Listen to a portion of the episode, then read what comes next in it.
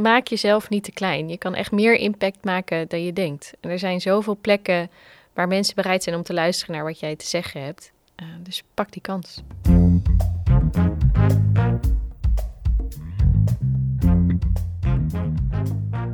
Welkom bij de Groene Zorg Podcast. Leuk dat je luistert.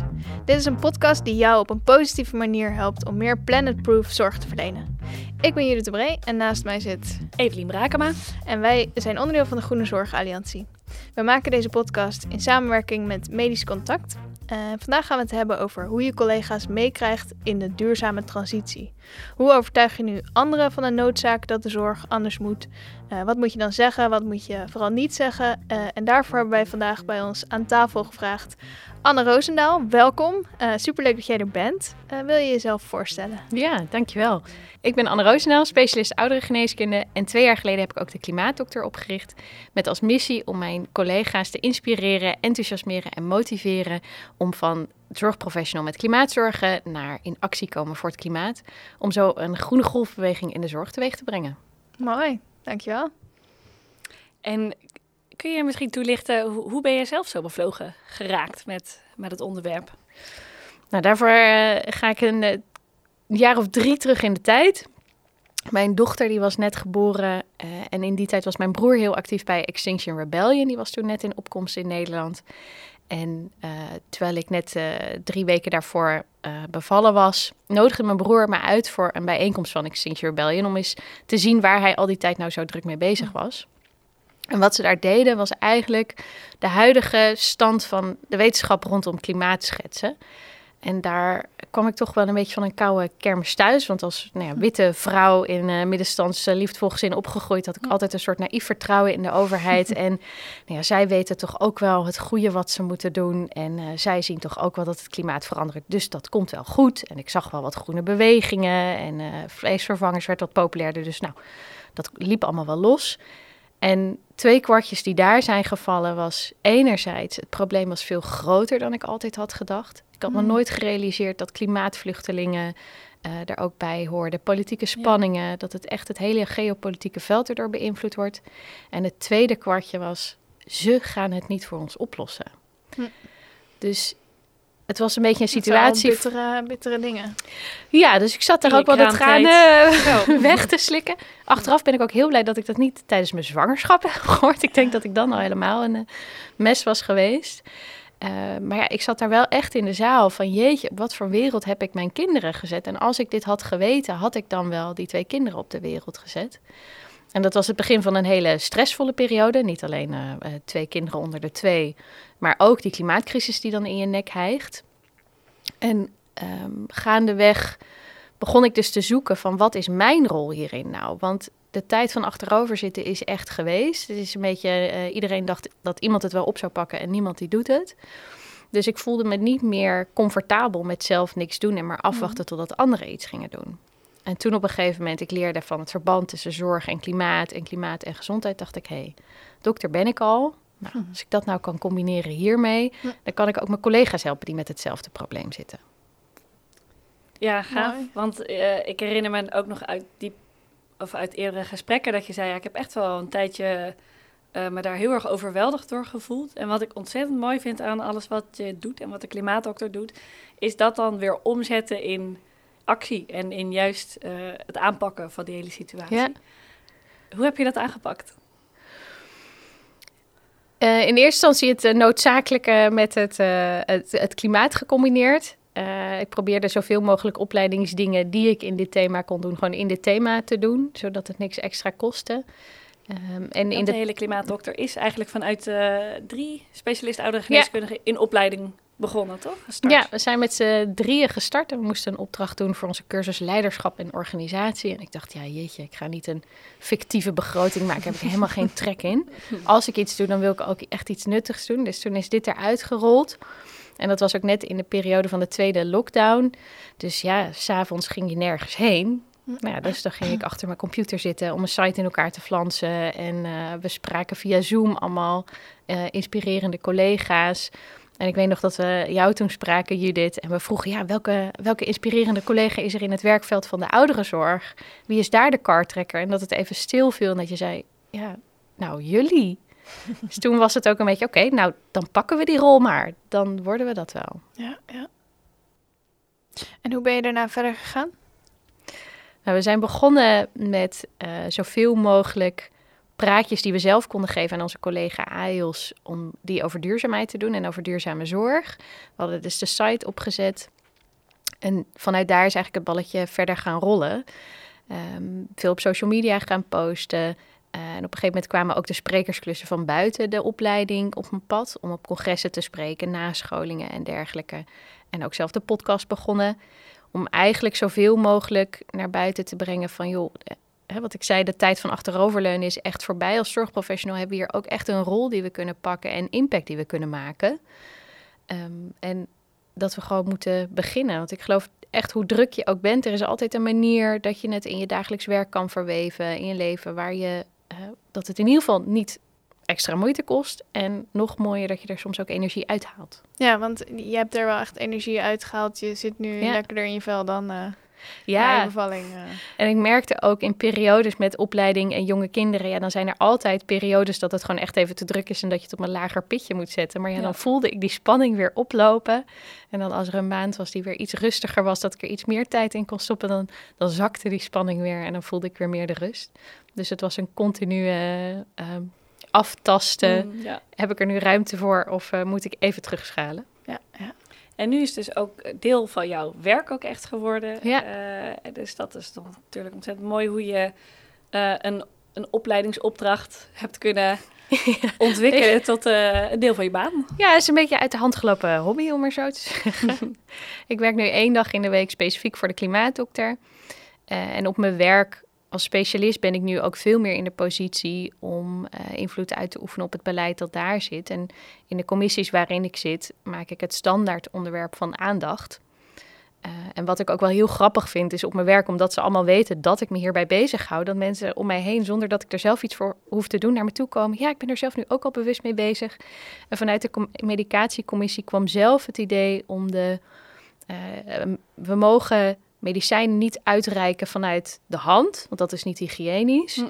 Dus mensen krijgen in een plastic cupje krijgen ze hun medicijnen uitgereikt. Nou, dat is uh, nou ja, drie cupjes per dag per bewoner voor een heel jaar lang. Dat zijn zo'n 600.000 cupjes van plastic per jaar die daarna gewoon weggegooid waren. En zij waren er dus zelf al mee begonnen van... goh, ja, we zaten te denken, dat is eigenlijk hartstikke zonde... kunnen we daar niet een alternatief voor bedenken? Um, en hoefde ik alleen maar een beetje bij te sturen van... goh, papier, is dat nou wel duurzamer? En nu gaan we over oh, op glazen die gewoon afgewassen kunnen worden. En dat bespaart ook nog eens een leuk uh, bedrag. Nou, wauw. Mooi. En ben, ben, jij dan de strenge mevrouw die uh, in de organisatie met de vingertjes staat te wijzen? Nee, wat ik op mijn werk juist probeer te doen is... Uh, alleen op de gepaste momenten het in te brengen van... goh, kunnen we hier iets mee? En het vooral niet op te leggen... Want zodra je echt iets wil van anderen, zodra je iets eist, ja, dat merk je vanaf moment één in een gesprek. En ook ik zou dan in de weerstand gaan staan. Um, dus het is meer proberen je collega's te laten zien: hé, hey, er zijn mogelijkheden. En dan dat ze later zelf denken: hé, hey, wat een goed idee van mezelf om hier iets mee te doen. Is het dan niet uh, te, te vrijblijvend? We, we moeten natuurlijk ook snelheid maken. Ja, dat is de lastige tweestrijd waar denk ik alle groene professionals waarin zitten. We hm. hebben een heel kort tijdspad en heel veel wat we moeten doen op dat tijdspad. Maar verandering bij mensen, hoe meer druk je erop legt, hoe meer je in de weerstand gaat. Ik zie het echt altijd als een, een plantje. Je moet ergens eerst vruchtbare grond kweken voordat je er een zaadje kan planten. En als er dan een kiempje uitkomt, dan moet je er niet aan gaan lopen trekken, want dan is dat plantje dood. Maar je moet het af en toe aandacht geven, een beetje water, een beetje warmte, een beetje zonlicht. En dan groeit er vanzelf wel iets. Ja, en dan is het even wennen dat je er heel gefrustreerd naast moet blijven staan. En je mm. vooral inhouden uh, om er niet te hard aan te trekken, want dat werkt averechts. Maar ja, ik herken die tweestrijd wel. Je wil dat het alleen maar sneller gaat, maar hoe meer druk je erop legt, uh, hoe meer je jezelf eigenlijk tegenwerkt. Mooi. En dan weet ik dat je heel veel collega's en zorgbreed ook mensen hebt meegekregen in jouw uh, missie. Heb jij een, een, bewuste manier van hoe je hen geactiveerd krijgt? Of hoe, hoe pak je dat aan? Nou, zoals ik eerder al zei, je moet er niet te hard aan trekken. En als je mensen gaat zeggen dat ze moeten veranderen, dan zit je meteen in de weerstand. En wat ik vooral probeer te doen, is te vertellen waarom het mij bezighoudt en waarom ik het belangrijk vind. Um, en wat ik daarbij wel eens vertel is, uh, vorige september waren er veel overstromingen in Pakistan. En mijn feed werd daar best wel mee overspoeld. en dat, gaat me gewoon, dat ging me zo aan het hart dat er ruim 1500 mensen waren overleden, waarvan ruim een derde kinderen. Nou, dan kun je mij opvegen. En in die tijd had ik een hele levendige droom dat ik ochtends beneden in de keuken sta en alle ouders van jonge kinderen zullen het wel herkennen. Je moet het ontbijt klaarmaken, je moet de broodje voor school meegeven. En het is uh, het ochtendspitsuur, om maar zo te zeggen. En in die droom had ik een hele uh, ja, een overweging of ik mijn kinderen wel of niet weg moest brengen en zelf naar mijn werk moest gaan. Want in die droom had het KNMI code oranje afgegeven. En niet vanwege storm, maar vanwege overstromingsrisico. Nou, ik woon in Utrecht. Mijn huis staat boven waterpeil, groot deel van de stad niet. En op dat moment zou ik nog gewoon naar mijn werk kunnen komen, naar de crash, naar de school. Maar ik vroeg me af, ja, moet ik dat wel doen? Want hoe is de situatie vanmiddag? Kan ik dan nog wel veilig thuiskomen? Kan ik mijn kinderen nog wel veilig ophalen? En toen ik daadwerkelijk in het ochtendspitsuur stond, vertelde ik over die droom aan mijn man. En die zei heel terecht, ja, het is eigenlijk niet een hele onrealistische droom. Want het is niet meer de vraag of dat gaat voorkomen in de komende tien jaar, maar wanneer gaat het voor de eerste keer voorkomen en hoe vaak gaat het in de komende, vier, in de komende tien jaar voorkomen. Ja, en, want we hebben het natuurlijk in Limburg ook al. Het is al gebeurd. Het is al gebeurd, inderdaad. Ja. ja. En de realisatie weer even dat dit al speelt tijdens de jeugd van mijn kinderen. Nou ja, als uh, moeder dan, dat uh, heb je één grote angst en dat is dat je kinderen iets overkomt. Dus dat kwam toen wel weer even um, hard binnen. En ik denk dat dat verhaal ook wel herkenbaar is. Dat die angst die je dan kan voelen en die zorgen die je dan kan hebben. En de feiten die zijn er al heel lang. Ik bedoel, de Club van Rome was in de jaren zeventig. Dat weten we al. En dat heeft zich allemaal uitgespeeld. Maar die feiten, die kun je een beetje negeren, die kun je wegstoppen. Maar een verhaal, dat blijft je bij. Dat gaat onder je huid zitten. En jullie zullen de frustratie wellicht herkennen dat mensen, uh, dat je denkt, hoe dan? Ik bedoel, we weten allemaal dat het eraan zit te komen. Waarom komen we niet in actie? En uh, eh, 75% van de Nederlanders maakt zich zorgen om de klimaatcrisis. Maar dat gedrag, dat zien we er niet echt bij. En hoe komt dat nou? En wat mij wel heel erg helpt om dat in te zien, is een mooie quote van Manu Buschot, een klimaatpsycholoog van Klimaatgesprekken. Die zei: We hebben als mensheid een diagnose gekregen die ons mogelijk fataal wordt. En als dokters kunnen we ons allemaal wel die patiënt tegenover ons voorstellen die net zo'n diagnose heeft gekregen. En die die liever eigenlijk niet onder ogen wil zien. En het erge bij deze diagnose is ook nog: het is een beetje eigen schuld, dikke bult. We hebben hier zelf ook gewoon een rol in gespeeld. En dat is gewoon heel ongemakkelijk om onder ogen te zien en dat toe te geven. En dat maakt dus dat mensen liever wegkijken en liever zich niet helemaal bewust zijn van de urgentie en de omvang van het probleem. En ik denk dat daarom die verhalen zo belangrijk zijn, om dat te doorbreken, dat mensen wegkijken en ja, dat er iets blijft knagen. Ik wil dat stemmetje zijn dat als ze na een praatje weer denken: oh ja, ik moet me heel erg zorgen maken, maar ik stop het liever weg, dat er dan zo'n knagend stemmetje is: oh ja, maar dat, dat moest ik niet doen. Maar nog even terug naar je verhaal, want dat is ook iets uh, waar je volgens mij ontzettend... Nou ja, de, de kracht van storytelling is, is natuurlijk heel overtuigend. Kun je luisteraars meenemen in wat nou een succesvol verhaal is? Hoe vertel je een activerend verhaal? Ja, wat denk ik het belangrijkste is, is dat het echt jouw verhaal is. De klimaatcrisis is zo'n ontzettend breed probleem en iedereen heeft zijn eigen stukje wat hem meer aan het hart gaat of zijn eigen stukje wat meer raakt. En als je daar een verhaal vertelt waar, ja, wat niet voelt als jouw verhaal, ja, dan komt het niet geloofwaardig over. Dan je wil juist dat gevoel aanspreken, ja, dan is er een mismatch. Dus laat het echt jouw verhaal zijn. En sluit daarbij ook een beetje aan op de waarde van degene die je tegenover je hebt. En niet iedereen heeft een duurzaam hart, maar er zijn genoeg redenen om ook zonder duurzaam hart wel uh, je in te zetten voor duurzaamheid. Dus het is, ik zeg altijd, het verhaal dat is jezelf plus je publiek en dat uh, maakt wat het verhaal is wat je op dat moment vertelt. Ik heb mezelf in het begin ook wel echt verdiept in storytelling. En bijvoorbeeld Simon Sinek is, of zal voor veel mensen wel een bekende naam zijn van Start with Why. Uh, wat je eigenlijk wil verkopen is dat mensen in beweging komen. En dat is een vorm van marketing. En hoe hoe Simon Sinek daarop is gekomen, is dat hij heeft gekeken waar bestaat nou een goede reclameboodschap uit. En het voorbeeld dat hij daarbij gebruikt is Apple. Voordat Apple de iPhone op de markt bracht, zijn er al andere partijen geweest die een smartphone op de markt hebben gebracht, die allemaal uh, feilloos uh, zijn mislukt. Maar wat Apple verkocht was niet een telefoon die heel leuk was, waar je veel mee kon. Nee, maar Apple verkocht een levensstijl en design. En je wilde niet alleen de iPhone hebben van Apple, maar je wilde alles hebben van Apple. Want daarmee kocht je niet gewoon een nieuwe telefoon, maar een hippe levensstijl. Dan kopen ze iets niet om wat je doet of hoe je het doet, maar waarom je het doet. Ze kopen vanuit jouw drive, vanuit jouw passie. En eigenlijk willen we als groene zorgprofessionals ook iets verkopen aan onze collega's, namelijk kom ook in actie. Hè? Verkopen dat je je uh, in gaat zetten. En mensen kopen jouw drive. Uh, mensen willen tot actie overgaan om jouw passie en waarom je iets doet. En de meeste mensen die ik heb gesproken uit het Groene Netwerk, die hebben ook allemaal een heel krachtig verhaal waarom ze zo bevlogen zijn geraakt. En dat zijn vaak echt wel de mooie verhalen om te vertellen. Ja, het, het schijnt dat wij, zeker als artsen, ook extra mensen willen overtuigen op feiten, omdat we denken van ja, de wetenschap. Maar ja, ja die feiten moeten dat gevoel wel onderbouwen, maar uiteindelijk overtuig je de mensen op gevoel. En dat is dus eigenlijk de kracht van het vertellen van je persoonlijke verhaal. Ja, ja. En wat ik ook wel opvallend vind, is dat ik geef dus heel veel praatjes voor verschillende doelgroepen en verschillende soorten artsen. Dat verschillende um, kernelementen ook aansluiten bij verschillende artsengroepen. Ik bedoel, als specialist oudergeneeskunde ben ik een en al pragmatisch. En ik hoef geen keiharde evidence te hebben, want die is er niet voor mijn patiëntenpopulatie. En ik ga gewoon en, en zie wel waar ik uitkom. En bijvoorbeeld in het ziekenhuis houden ze veel meer vast aan, willen ze toch wel een beetje die wetenschap en die getallen. Dan hoor ik ook wel, ja, maar als we dit gaan doen, hoe weten we nou hoeveel we besparen? En hoe weten we nou dat we echt wel het juiste doen? Dat moeten we eerst helder hebben. Terwijl thuis moet ik er niet aan denken dat ik wegwerpbestek zou gaan gebruiken. Dan snap ik echt wel met mijn gezonde verstand dat ik gewoon bestek gebruik en ook niet metalig bestek wat ik na één keer weggooi. Maar als het dan op de werkvloer gaat, dan is het ineens ja, maar is, is wegwerp wel echt minder duurzaam? Mhm. En uh, ja, maar je hebt ook het reinigingsproces.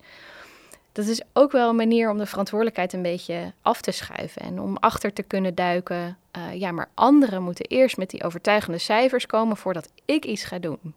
Uh, en als we dan inzoomen op de verschillende onderdelen van jouw verhaal, uh, wat, wat, wat zijn dan belangrijke elementen die jij in jouw verhalen stopt?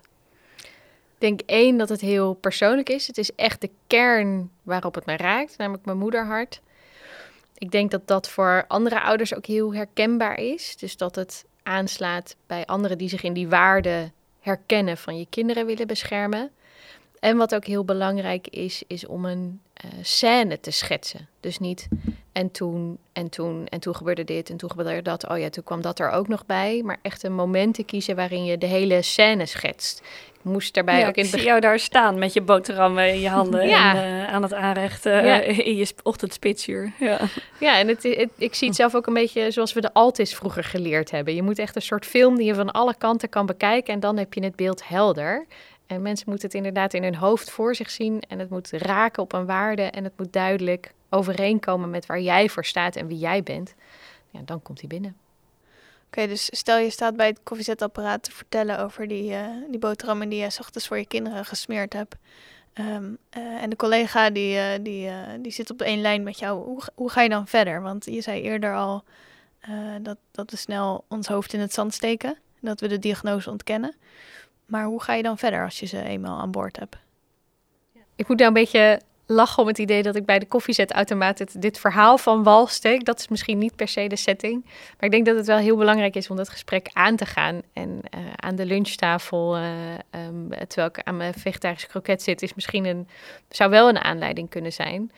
Wat belangrijk is, is om te realiseren um, dat je zelf ook niet altijd op dit groene punt hebt gestaan, maar dat er ook een tijd is geweest dat je zelf er nog niet echt naar keek. En dat het ook een lastig proces is, waarbij het systeem niet meewerkt. Uh, je soms zelfs tegenwerkt om groener te gaan doen. En waarbij je soms wel weet dat je iets doet wat eigenlijk niet zo duurzaam is en je eigenlijk wel anders zou willen doen, maar toch doe je het niet. En dat is die ambivalentie van uh, enerzijds het wel beter weten, maar niet beter doen. En ik denk dat dat heel belangrijk is om te erkennen in gesprek met mensen, dat we die ambivalentie allemaal hebben. En dat juist dat blootleggen ook heel erg kan helpen met mensen om die stap wel te zetten. Mensen houden heel erg van congruentie, zowel bij anderen als bij zichzelf. Dus we hebben graag dat ons gedrag overeenkomt met hoe we onszelf zien. Hm. En als je in gesprek vanuit nieuwsgierigheid, door te vragen van goh, hoe zit het dan bij jou en wat maakt dat belangrijk voor jou en uh, waarom pak je dat zo aan? Als je omhoog krijgt van hé, hey, eigenlijk vind ik dit een heel belangrijk thema, maar toch is mijn gedrag er niet helemaal naar.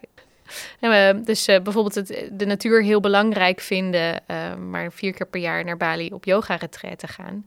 Nou, als je daar vanuit nieuwsgierigheid vragen naar stelt, van goh, hè, vlieg heeft toch een grote impact, hoe zie jij dat? Als je voor mensen zelf omhoog krijgt dat daar een discrepantie zit, dan motiveert dat die mensen zelf om hun gedrag meer in lijn te brengen met hoe ze zichzelf zien. Ja, zonder dat je daar gelijk een oordeel uh, in, ja. uh, in hebt. Ja, zonder oordeel en vanuit nieuwsgierigheid uh, en vanuit vragen. je kan een ander echt niet veranderen, dat moet diegene zelf doen. Um, en het zou heel bevredigend zijn als je één gesprek met iemand kan voeren en iemand verandert daarna. Maar het is toch vaak steentjes in de vijver gooien. Uh, en ja, dat plant een zaadje en iemand gaat er zelf weer mee verder. En pas een paar weken of een paar maanden later betaalt zich dat terug, om maar zo te zeggen. Ja. ja. Want wat ik wel heel interessant vind, is um, de bereidheid tot duurzame gedragsverandering. De meest bepalende factor of we daartoe bereid zijn, is of we denken dat anderen ertoe bereid zijn. En we onderschatten stelselmatig die bereidheid bij anderen. Terwijl wel dus 75% van de Nederlanders zich zorgen maakt om klimaat.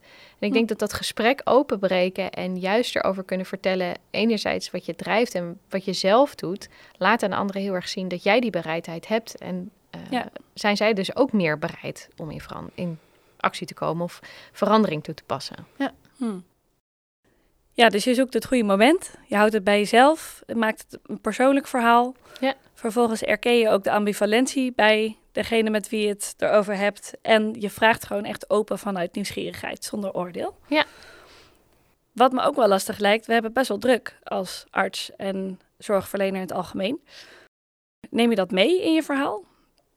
Ja, wat ik ook vaak wel probeer te schetsen is duurzaamheid en duurzame verandering in de zorg kan je zien als duurzame projecten waar heel veel tijd en moeite in gaat steken. Maar uiteindelijk is het ook een verandering in de mindset. Dat in alles wat we doen, dat we dat als keuze meenemen.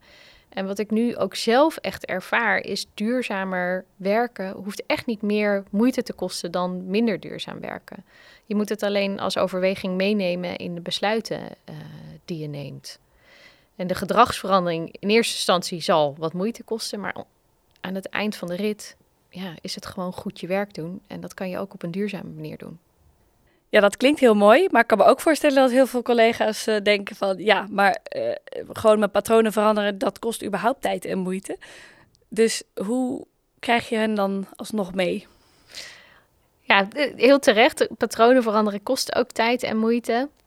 En ik denk dat het ook belangrijk is om te erkennen dat het wel moeite kost. Waarbij het altijd een lastige balans is tussen erkennen dat het niet heel gemakkelijk zonder enige moeite gaat en tegelijkertijd iemand, bij iemand ook niet de verantwoordelijkheid wegnemen. Dus het is niet, ja, het is ook moeilijk, je hoeft het niet te doen, maar ja, het is moeilijk. Tegelijk is het wel de moeite waard, past het bij je waarden uh, en dergelijke. Dus dit zou dan bij een gesprek uh, bij uh, je collega's bij de lunch werken. En als je nou bijvoorbeeld bij je baas uh, aanklopt, heb je dan nog andere manieren van aanpakken? Ja, en enerzijds vertelde ik, je moet eerst die grond vruchtbaar krijgen. Dus het helpt heel erg om ook met je baas eerst gesprekken erover te hebben, zonder dat je direct iets van diegene wil. Mm -hmm. En als je dan het gesprek hebt waarin je iets van diegene wil, uh, zijn er twee trucjes die ik geleerd heb. De ene is creëer een ja-moment. Dus uh, begin met een vraag waar diegene niet anders dan ja op kan antwoorden. Dan heb je hmm. iemand al een stukje mee. Kun je daar een voorbeeld van geven? Uh, nou ja, ik kan me nu een voorbeeld bedenken van die verkopers op straat, weet je wel. Die, stellen je, die passen datzelfde trucje toe. En één keer heb ik heel hard nee gezegd, want ik zeg altijd gewoon nee op die mensen op... Vind je homorechten belangrijk? maar op de werk... Op de werkzetting kan het bijvoorbeeld zijn: hey, weet je dat we het hier vorige week over hadden? Heb je even een momentje voor me? Of uh, weet Hmm. je, we zouden nog terugkomen op dit onderwerp en dan is het. eh, heb je je ja-moment binnen? En een andere is om direct een vooroordeel van de ander mee te nemen. En bij managers, die denken altijd, dokters denken nooit aan het geldplaatje. Uh, dus dan helpt het om uh, daar in eerste instantie te erkennen van, goh, ik weet dat we moeten kijken of het binnen de begroting past als het om geld gaat. Of, uh, uh, maar dat is het cliché uh, vooroordeel dat managers denk ik over dokters hebben. Ah, Hmm. Slim. Ja.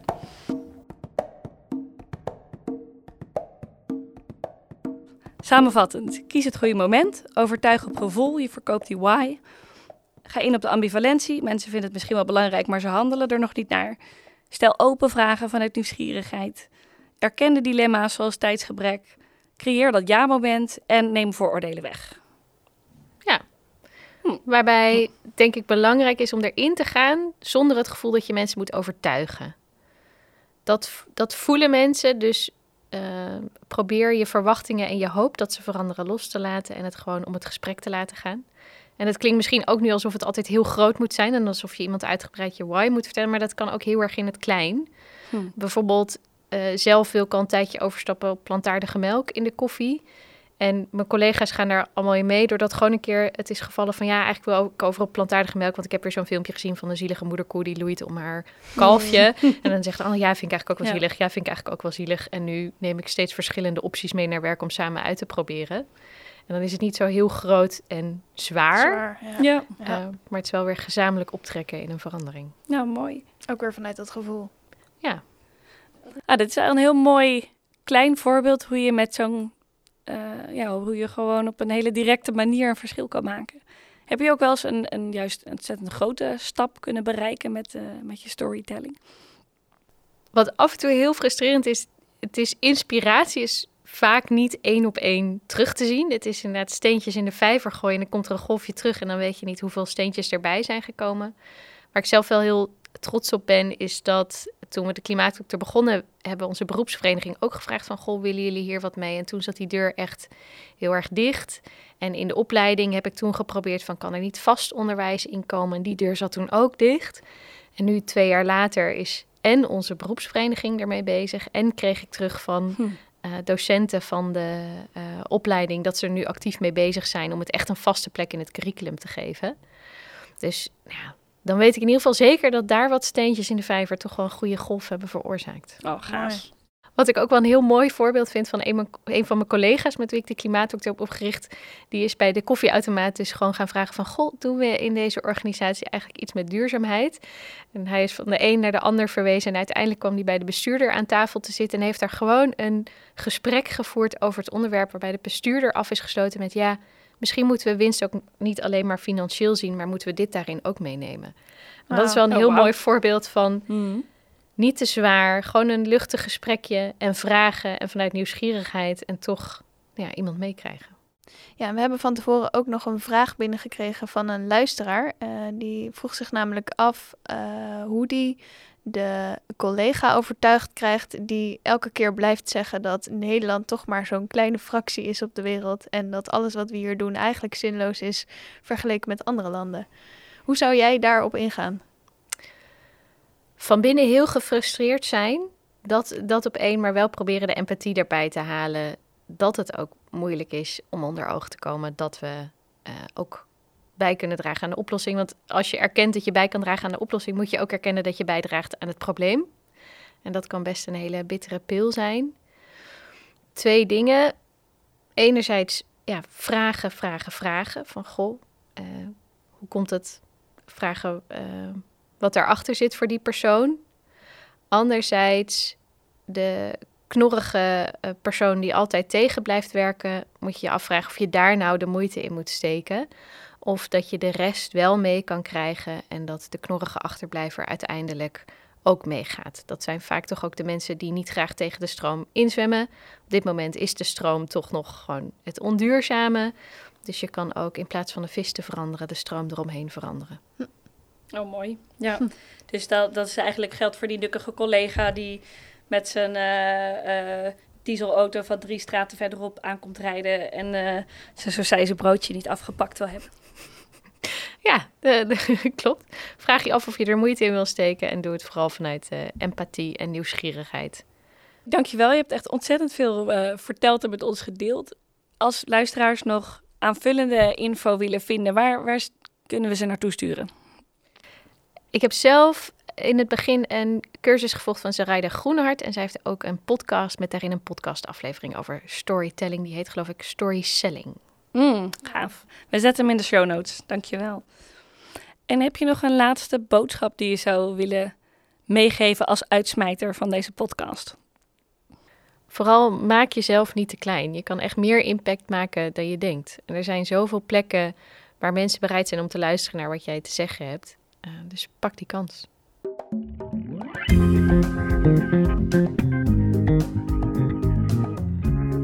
Je hoorde Anne Roosendaal over de kracht van storytelling in het meekrijgen van je collega. Anne is klimaatdokter en specialist ouderengeneeskunde. En vergeet ook vooral niet de podcast van Anne zelf te luisteren, van de Klimaatdokter. Uh, mijn favoriete is Alle Beginners Moeilijk, maar het zijn allemaal ontzettend inspirerende afleveringen. Dankjewel Anne. Dankjewel. En dan gaan we door met de groene tip van deze aflevering. Hallo, mijn naam is Janine Pothuizen van Stichting Klimaatgesprekken. Stichting Klimaatgesprekken helpt duurzame keuzes vanzelfsprekend maken. Op het werk en thuis. Mijn tip aan jullie is: ga in gesprek met je collega's over hun klimaatspagaat en over jouw klimaatspagaat. Zeker 75% van de mensen maakt zich zorgen over het klimaat. Dat betekent dat een grote groep van jouw collega's zich ook zorgen maakt over het klimaat. Alleen in het dagelijks werk zie je dat niet, omdat ze in het dagelijks werk op de werkvloer vaak niet duurzame keuzes maken. Wat je niet ziet, is wat eraan vooraf gegaan is in hun denkproces of wat er gebeurt in hun hoofd als ze de niet duurzame keuze maken. Door in gesprek te gaan over de klimaatspagaat ga je zien welk denkproces je collega's hebben en of zij zich inderdaad zorgen maken ook over het klimaat of dat als een belangrijke waarde ook mee willen wegen. Welke klimaatspagaten ik tegenkom in de zorg is vaak een klimaatspagaat tussen hygiëne en duurzaamheid of tussen veiligheid en duurzaamheid. En heel concreet heb ik ook wel gehoord dat mensen in de spreekkamer letterlijk het dilemma ervaren: ga ik nou voor de individuele gezondheid van deze patiënt of voor de collectieve gezondheid in de toekomst? Nou, door in gesprek te gaan over deze klimaatspagaat, ga je ervaren dat er eigenlijk naast de twee uitersten die er zijn, uh, het zwart en wit, vele tinten groen daartussen zitten. En in die vele tinten groen zit ook de oplossing voor win-win oplossingen waarin je eigenlijk beide waarden die aan de uiterste staat kan vinden in een win-win oplossing. Nou, dat is interessant om met elkaar te onderzoeken. En het kan natuurlijk ook zijn dat je een collega tegenkomt die geen dilemma ervaart. En dat is ook goed, want dan heb je in ieder geval een zaadje geplant. Ik wens jullie een paar hele mooie gesprekken. Nou, helder. Lijkt me een hele duidelijke tip. Heb jij als luisteraar nou ook een goede tip of een kwestie of een ander onderwerp dat je besproken wil hebben? Laat het ons dan weten. Dan proberen we daar in de volgende afleveringen op terug te komen. En dan komen we bij de afsluiting van deze aflevering over storytelling. Vond je dit een leuke podcast? Abonneer je dan via je favoriete podcastplatform. Je kunt de Groene Zorgalliantie ook volgen via LinkedIn, Twitter of Instagram. Bedankt voor het luisteren. Tot de volgende aflevering.